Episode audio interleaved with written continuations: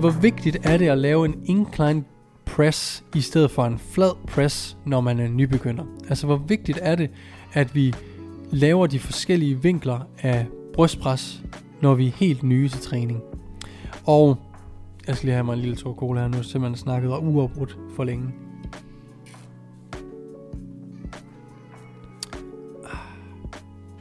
Ej, hvor er den dejlig kold. Så. Brystet kontra ryggen er anderledes i den forstand, at...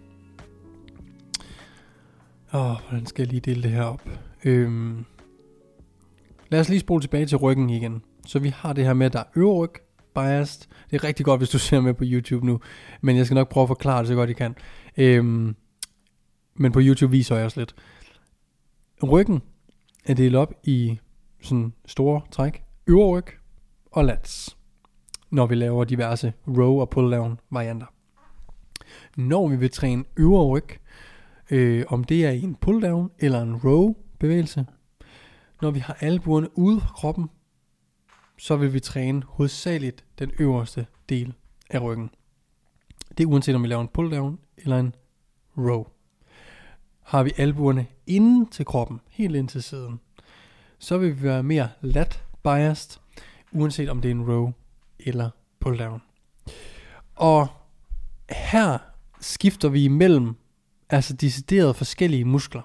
Det vil sige, latten er sin egen muskel, altså vingemusklen er en muskel, og trapezius, altså den, der sidder imellem vores skulderblade, er en anden muskel.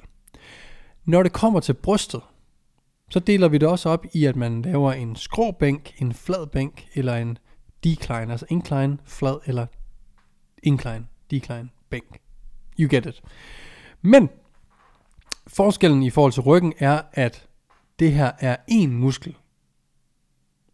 Der er kun, vi har to brystmuskler, men når vi øh, ændrer bænken vinkel, så snakker vi sådan set om, at bias forskellige fibre i den samme muskel.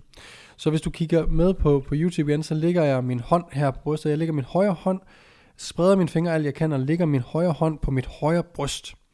Det vil sige, at øh, mit håndled, det er øh, cirka ude under min øh, armhule, og så min finger, der rammer tommeltotten øh, mit kravben, eller den peger op mod mit kravben. Min pegefinger rammer lige ind i mit kravben, og øh, min øh, fuckfinger og ringefinger rammer mit øh, brystben ind i midten, og min lillefinger peger ned og rammer den nederste del, øh, den øverste del af vores, øh, hvad hedder øh, ribben under brystet. Sådan her, hvis du kigger med.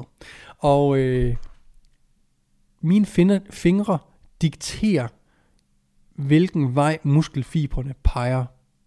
Så når vi siger, at vi laver et incline dumbbell press, så har vi mere skulderflektion. Det vil sige, at vi presser øh, vægten mere opad. Og derfor træner vi måske lidt mere den øverste del, altså de øverste fibre, de fibre, som hæfter på vores kravben. Øh, alt kommer og det hæfter nok egentlig ude på humerus, altså ude på vores overarmsknogle. Øh, så alt sammen det samles ude i armhulen og sidder på vores overarmsknogle, og så sidder det fast inde på vores kravben, inde på vores brystben, eller hernede under på vores øh, ribben. Og når vi træner en incline dumbbell press, så er vi mere biased de øverste fibre, altså dem, som sidder på vores kravben. Når vi laver en flad bænkpres, jamen så er det mere de fibre, som sidder inde på vores brystben, altså her i midten. Og når vi laver noget decline, jamen, så er det de fibre, de kostale fibre, der går ned og hæfter øh, under, ned på vores, øh, hæfter de på vores ribben, det er jeg lidt usikker på. Det er også lige meget. Øhm, men uanset hvad faktisk, når du laver en brystpresøvelse, incline, flad eller decline, så arbejder hele brystmusklen. Men det handler om, hvilken vej vi sådan set presser, om vi biaser den ene eller den anden type muskelfibre, basically, om det er den øverste del, midterste eller nederste. Og nu til svaret på spørgsmålet. Jeg tror, at det er fucking ligegyldigt, om du laver en incline dumbbell press, eller en flad dumbbell press, eller en decline dumbbell press, når du er nybegynder. Jeg vil næsten altid lave en en blanding. Jeg vil altid holde det meget simpelt, når det er, øh, en nybegynder, typisk vil jeg bare lave en flad dumbbell press, men du vil ikke nødvendigvis få mere øh, incline øh, øvre bryst som nybegynder, hvis du bare laver incline presses. Det vil i hvert fald være meget let, tror jeg. Igen, fordi det er hele musklen, vi altid træner, så tror jeg ikke, at vi kan træne vores øvre bryst i så høj en grad, som vi måske har troet førhen. Og vi har lavet en rigtig interessant episode på, der køres. Den hedder noget med weak points. Øhm, man kan gå ind og høre, hvor vi har en lidt øh, længere snak omkring det her. Øh, men jeg tror ikke, at vi kan target og bias vores øverste brystfiber lige så meget, som vi troede engang.